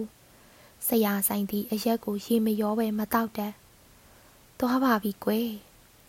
ကိုနေရာကိုပြန်ထိုင်တော့ဆရာကြီးကညီးလိုက်ပါသည် ဟုတ်ပါ၏ကျွန်တော်တို့နှစ်ယောက်ခမအရက်ခရားဖဲထားပြီးရင်နွေးချမ်းခရားအစ်စ်ကိုပင်ကိုင်းခွင့်မရတော့ပါ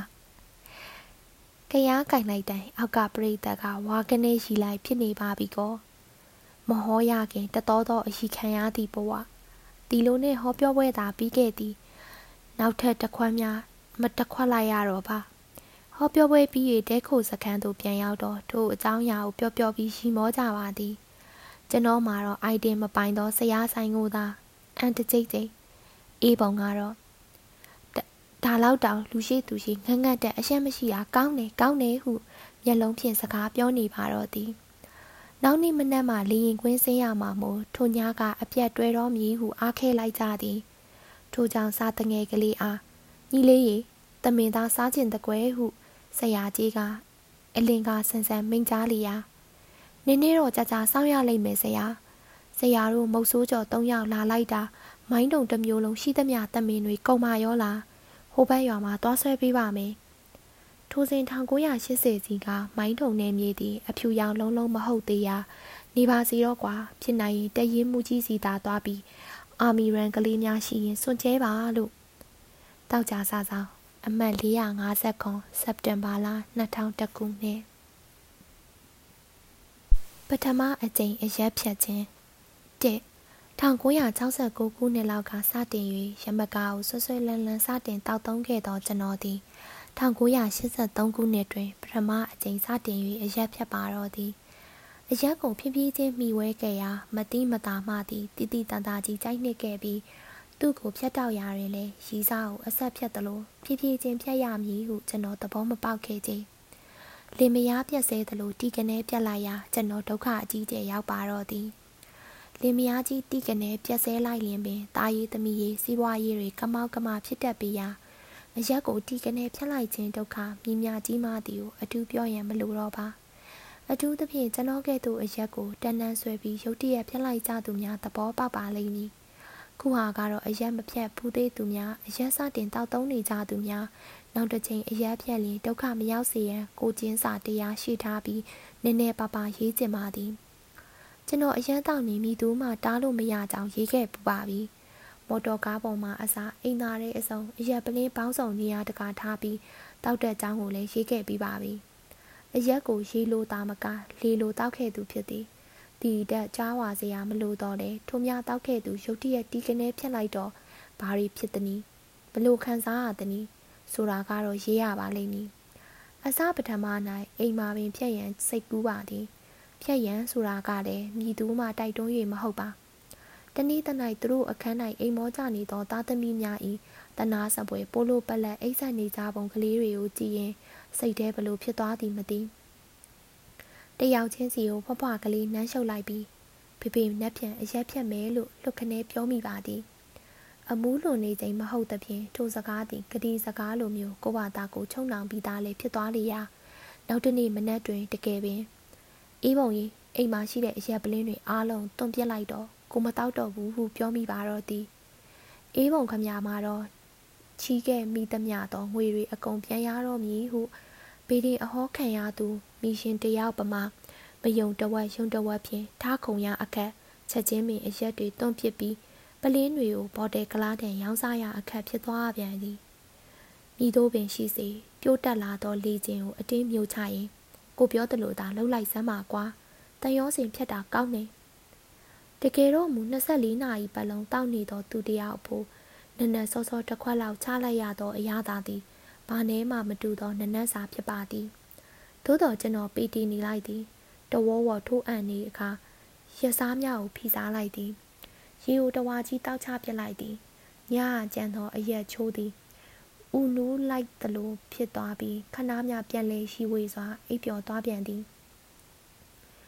တရီးနိုးသောရင်မာပလောင်စုနေပါပြီပြန်အိမ်မရလူးလိန်ကကတုံကရင်ဖြစ်လာသဖြင့်ဟဲတက်နိုင်ပါဦးနည်းနည်းလောက်တော့ဟုအရက်ထားရှိရာနေရာများကိုရှာလျာ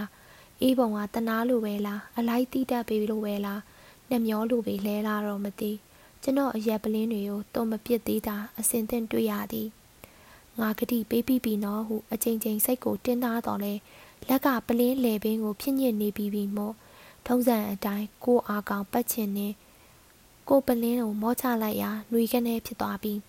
နေသာထိုင်သာရှိသွားတော့သည်အရက်သမားတို့ထုံးစံမှာအရက်မူးလွန်နေချိန်တွင် လူမန်းသူမန်းမသိဖြစ်တတ်တာမဟုတ်အရက်စာနေချိန်တွင်လည်းအရက်အကြောင်းကင်းမဲ့နေတတ်သည်အေးအာသာပြေယုံကလေးနှိပ်ပြီးပြီဆိုရင်တော့ဖြင့်ပုံမှန်ဖြစ်သွားသည့်အတိုင်းလူစိတ်သူစိတ်ပြန်ဝင်လာတတ်သည် ထို့ကြောင့်စောစောကပြောသလိုအနေတော်စော်ပြီးသောအခါအိုးဒီလောက်ငါတတိကြောင်နေလို့တော့မဖြစ်သေးပါဘူးဆိုပြီးကိုတိုင်ပင်အရက်ပလင်းတွေရှာအိမ်သားတဲ့တခါတည်းတွန်ပြက်လိုက်ပါတော့သည်ကိုဝသားကိုလည်းသူရဲ့ကောင်းကြီးတပွဲကျင်းနေနေသည်အေးပုံရှိမှပင်ဂုံယူစွာပြုမှုနေလေရာကိုရဲ့တေချာရဲ့လားဟုတနာကျူနာစကားဆိုပါသေးသည်တကယ်တော့ဒီမိမဝန်းနဲ့ဘလောက်များကျင့်နေပြီး ကလာဖျားပွဲလှည့်နေမည်ကိုတော့ကျွန်တော်မသိပါဘူးသို့တော့အရက်သမားထုံးစံအနေတော်လောက်စော်ပြီးနှစ်နာရီလောက်ကြာရင်ပြန်စားလာတတ်သည်ကိုကျွန်တော်မိနေခဲ့သည်အခုလည်းနည်းနည်းကလေးညနေဆောင်လာတော့အခါကျွန်တော်မှမခံမရနိုင်ဖြစ်လာပြန်တော့သည်ကားတွေကပလင်းချန်နိုင်တင်သေးတန်ကောင်းရဲ့ဟုသွားရှာရာကန်ဆိုးပါသည်ကားတွေကပလင်းကနတ်တီကားပေါ်ရောက်ပြီးမှမထူးတော့ပြီဟုဟူးကနေမောက်ထွက်သွားရာ ထုံးစံအတိုင်းအနီးဆုံးစားတောက်ဆိုင်သို့ရောက်ခဲ့ပြန်ပါသည်ဒီလိုနဲ့ကျွန်တော်၏မနှက်ဖြန်အရက်ဖြတ်မည်ဟုသောစီမံကိန်းမှာမနှက်ဖြန်ပေါင်းတဒါစင်လောက်ရောက်ခဲ့ပါသည်စုံနယ်နွားတဲ့ကတူ၎င်းခွေးမိကောက်ကဲ့သို့၎င်း၎င်းအတိုင်းပင်ခရီးဆက်မိရပြန်တော့သည်မဖြစ်တော့ပါဘူးကွယ်ကိုကိုစေးယုံသာပို့ပါတော့ မူးလျင်ကတိပေးလွယ်တတ်သည့်ကျွန်တော်ထားကိုတည်သောအေးပုံသည်စေးယုံဆိုသောအတန်ကိုကြားရလျင်လွန်စွာမှယုံကြည်သွားတော့သည်အမှန်မှကျွန်တော်ကလည်းကို့အကြောင်းကိုသိပြီးအိမ်မှာဆိုကိုကဘီရင်တဆူမို့ဘသူမှတားလို့မရစေးယုံဆိုတာသူနာပြုကအစာကြောက်ရသည့်နေရာမျိုးကိုကအချင်းသားတာတာမျှတာထို့ကြောင့်ကိုယ်တိုင်ဖြောင်းချက်ပေးသောတရက်ခံကိုကိုကိုယ်တိုင်ချုံနှောင်ရတော့သည်ဘေးစိမ်းုံတက်ချင်တယ်လေ ဝမ်းသာမှုကိုလူမသိစေရန်ဖုံးကွယ်ထားသောမိမတို့၏ဟန်ဖြင့်အေးပုံကမေးလေတော့အရက်ဖြတ်တဲ့စေးရုံတက်ရင်လူသိမယ်ဒီတော့တိုင်းရင်းမြန်မာစေးရုံကောင်းမယ်တင်တယ်ကိုဘက်ကတေးကြရင်အေးပုံဖုန်းဆက်သွယ်လိုက်မယ်အေးတယ်လီဖုန်းနဲ့ဆက်သွယ်ကြည့်ကိုတော့မူးအောင်သွားချလိုက်အောင်မယ်ဝင်ကဘာလန်းရှိတိုင်းရင်းမြန်မာစေးရုံတီးတန့်ခန့်သို့မြည်သို့မြည်ပုံကျွန်တော်ရောက်ရှိခဲ့မှမသိတော့ပြီတရင်တို့တော့စေးရုံကတင်ပေါ်မှာခွေခွေကလေးဖြစ်နေသည်ကိုသိရတော့သည် ခလန်းလန်းပဒင်းပေါက်တွင်ပတိစိတ်နေသောအေးပုံကိုပထမအဆုံးတွေ့ရသည်ပြီးတော့ကတင်ချေရင်တွင်မှတ်ချက်ရေးနေသောသူနာပြုယောက်ျားတစ်ယောက်ကိုတွေ့ရသည်နောက်မှသိရတာကညာရေးညတာအတွက်အပြင်ကငှားထားသူနိုးပြီလားဗျဆရာကြီးစေးပေးထားတယ်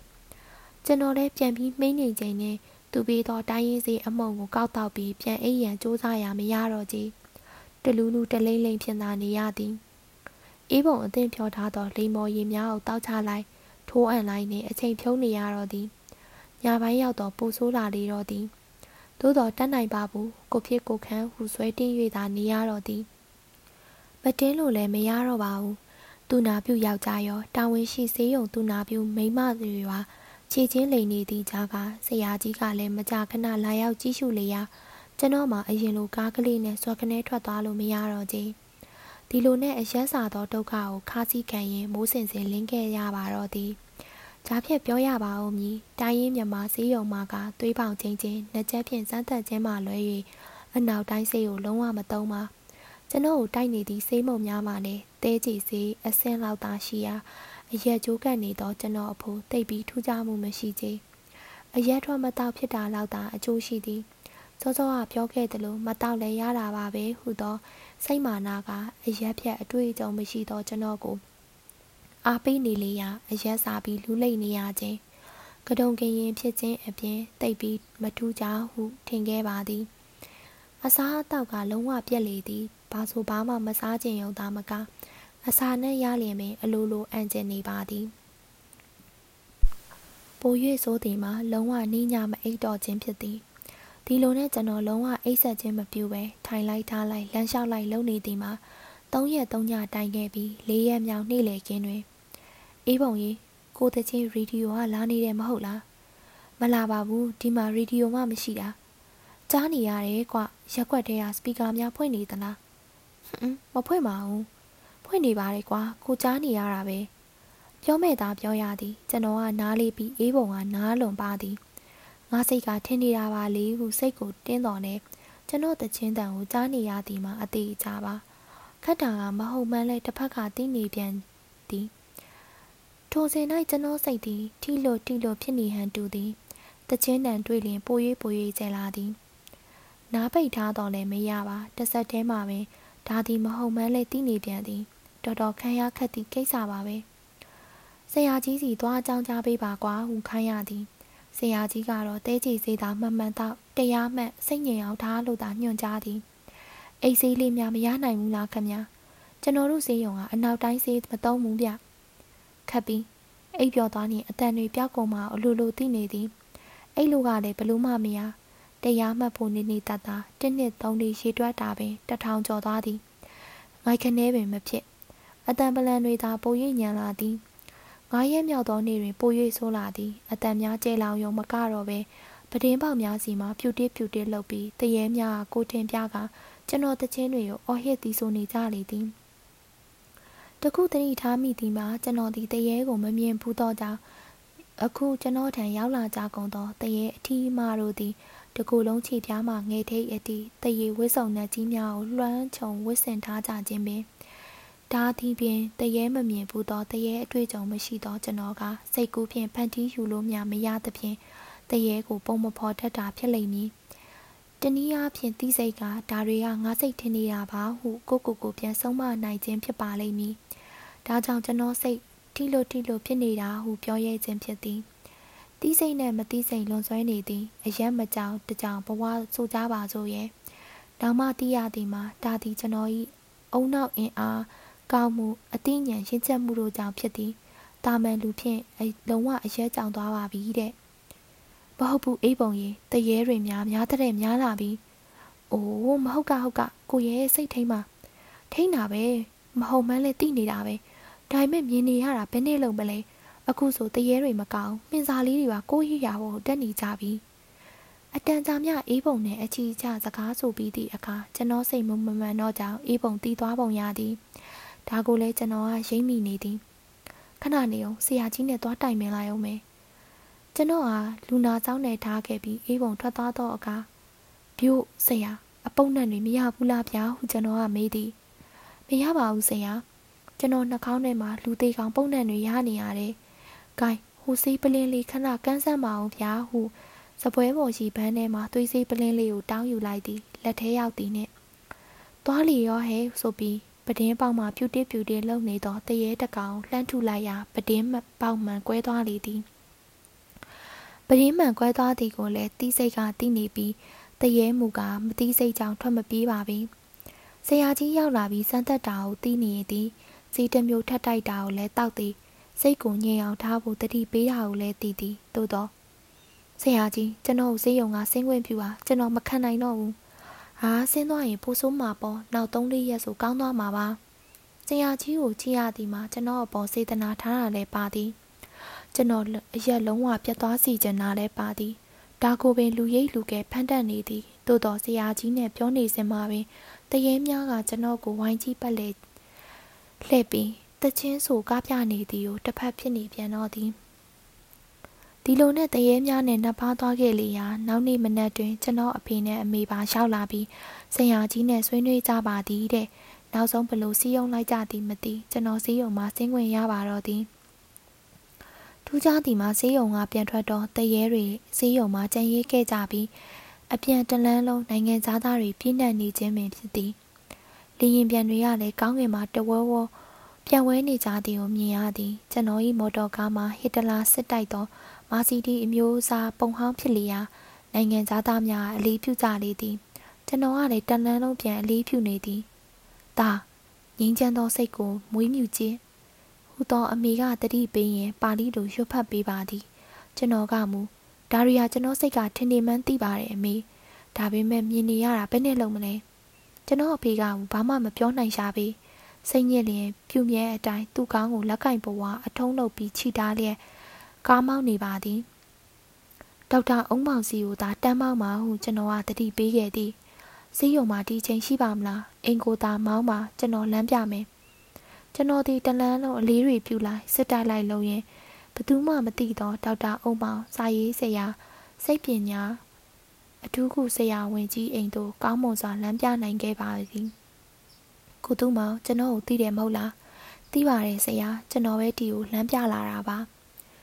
ခမဘာမှမဖြစ်ပါဘူးအေးရေးဆက်တိုက်ပြက်လို့နည်းနည်းကြအောင်ကြကြားဖြစ်နေတာပါကျွန်တော်ဆေးရုံတက်ချင်တယ်ဆရာရပါတယ်ကျွန်တော်စီစဉ်ပေးမယ်လေရင်တွေမြင်ရသေးလားမြင်နေရတော့မဲ့ဆရာကျွန်တော်ကိုတီးတန့်အခန်းတစ်ခန်းထဲကိုပို့ကြပါသည်ကတင်ပေါ်မှာလှဲစီသည်ဆရာအုံမောင်ဆေးသွားယူနေစဉ်ကျွန်တော်အနီးတွင်အဖေအမေနဲ့အေးပုံတို့ရှိကြသည်ကျွန်တော်ကိုစောင့်ရှောက်ရန်ဟုတငယ်ချင်းကပြားဆရာမောင်ငယ်သွေးကွယ်လုံးကိုလည်းတွေ့ရသည် ကြားဖြတ်၍ရည်စရာပြောရပါအောင်မည်ထိုတွင်ကျွန်တော်စိတ်ထဲဘလို့ဖြစ်သွားသည်မသိဦးကောင်းမှာလက်ကင်ပေါ်ဝါအထုံပြုစီထားသော အဖေကိုလူနာတရားဟုမြင်လာပါသည် အဖေနေမကောင်းလို့ဆေးရုံကိုကျွန်တော်ကလိုက်ပို့သည်ဟုထင်လာသည်ထို့ကြောင့်အဖေဘာမှစိတ်မပူနဲ့နော်ကောင်းသွားမှာပါကျွန်တော်ကောင်းကိုက်ပြောက်စေသွားဝယ်ပေးမယ်ပြောပြောဆိုဆိုအခန်းပြင်သို့လက်ကနေထွက်သွားပါတော့သည် ကျွန်တော်ကိုတငယ်ချင်းငယ်သွေးရလိုက်ဆွဲသည်ဟာ ငါဖေကိုဆေးရုံတင်ခဲ့ရမှာကွာစိတ်လေးပါလေးပဲပြီးအောင်မှာပေါ့တောက်တလဲတွေမပြောပါနဲ့ကွာဆေးရုံတက်ရမှာမင်းအခန်းဝရင်ငယ်သွေးနဲ့ကျွန်တော်ရုံရင်းဆန်ခတ်ဖြစ်နေချိန်မှာဆရာအုံးမောင်စီးထိုးရကင်ပြီးပြန်ရောက်လာရာကျွန်တော်သားလူနာအစ်စ်ဖြစ်ကြောင်းသိသွားပြန်သည်။ဂိုင်းကိုသူမောင်ဂရင်မော်တက်ကျွန်တော်နဲ့အလိုက်တင်ပင်မှုရပေါ်တက်လဲလိုက်ကဆရာကကျွန်တော်လက်ဖြန့်ကြောအတွင်သို့စေတလုံးထိုးသွင်းပေးလိုက်ပါတော့သည် စီးရနီးတင်မြည်မြပြင်း၍ကျွန်တော်မိတို့အိပ်ပျော်သွားသည်မသိနောက်တနေ့ကျွန်တော်အိယာကနိုးတော့နနက်7နာရီလောက်ပင်ရှိနေပြီလူလဲလန်းဆန်းနေပါသည်သို့တော်စိတ်ကမတန့်သေးပေထို့ကြောင့်ဝရဏာသို့ထွက်ခဲ့ပြီးမိုးကောင်းခင်အနှံလျှောက်ကြည့်နေသည်မောင်ငယ်တွေမောင်ငယ်သွေးကဟေးကောင်ဘာကြည့်နေတာလဲလီရင်တွေရှိသေးလားလို့ပါကွာနင့်ကြီးတော်ယောက်ျားလီရင်တွေကစကလေးကမရှိဘူးအေးပါငါသိပါတယ်မြင်များမြင်အောင်မလားလို့ဟိတ်ကောင် စိတ်ကိုထိန်းစမ်းထိန်းစရာမလိုပါဘူးငါသိပါတယ်စကလေးကငါရဲကြောက်တယ်လို့ဖြစ်နေမှန်းအလိုလိုသိနေရဲ့ထိုးစင်ဆရာအုံးမောင်ရောက်လာသည်ဘယ်နဲ့လဲကိုသူမကောင်းသွားပါပြီဆရာကောင်းမိမဲ့တပတ်လောက်တော့နေလိုက်ပါအောင်ဆရာကလည်းဗျာမဟုတ်ဘူးဗျအခုနဲ့ချက်ချင်းစင်ရင်ခမပြန်တောင်းမိမှသိကြတယ်ကျွန်တော်အရက်ဖြတ်ပေးခဲ့တဲ့လူတွေမနေဘူးကျွန်တော်စကားအောင်နားထောင်ပါကျွန်တော်ကောင်းငိတ်လိုက်ပါသည်တောက်ကြစားစား အမှတ်458အောက်တိုဘာလ2000ခုနှစ်ဤတွင်သူ့မောင်ဤအရက်သမားအမားတခါ PE ဆရာသူမောင်ရေးသားထားတဲ့အရက်သမားအမားတခါဆိုတဲ့စာအုပ်ကလေးကိုအတန်စာအုပ်အနေနဲ့ဖတ်ပြလို့ပြပါပြီရှင်။နားထောင်ပေးပါတော့စာပတ်ပရိသတ်တယောက်ချင်းစီကိုကျေးဇူးထူးပင်တရှိပါရရှင်။စာပတ်ပရိသတ်များအားလုံးကျမ်းမာချမ်းသာ၍ BNT ရဲ့များကင်းရှင်းကြပါစေရှင်။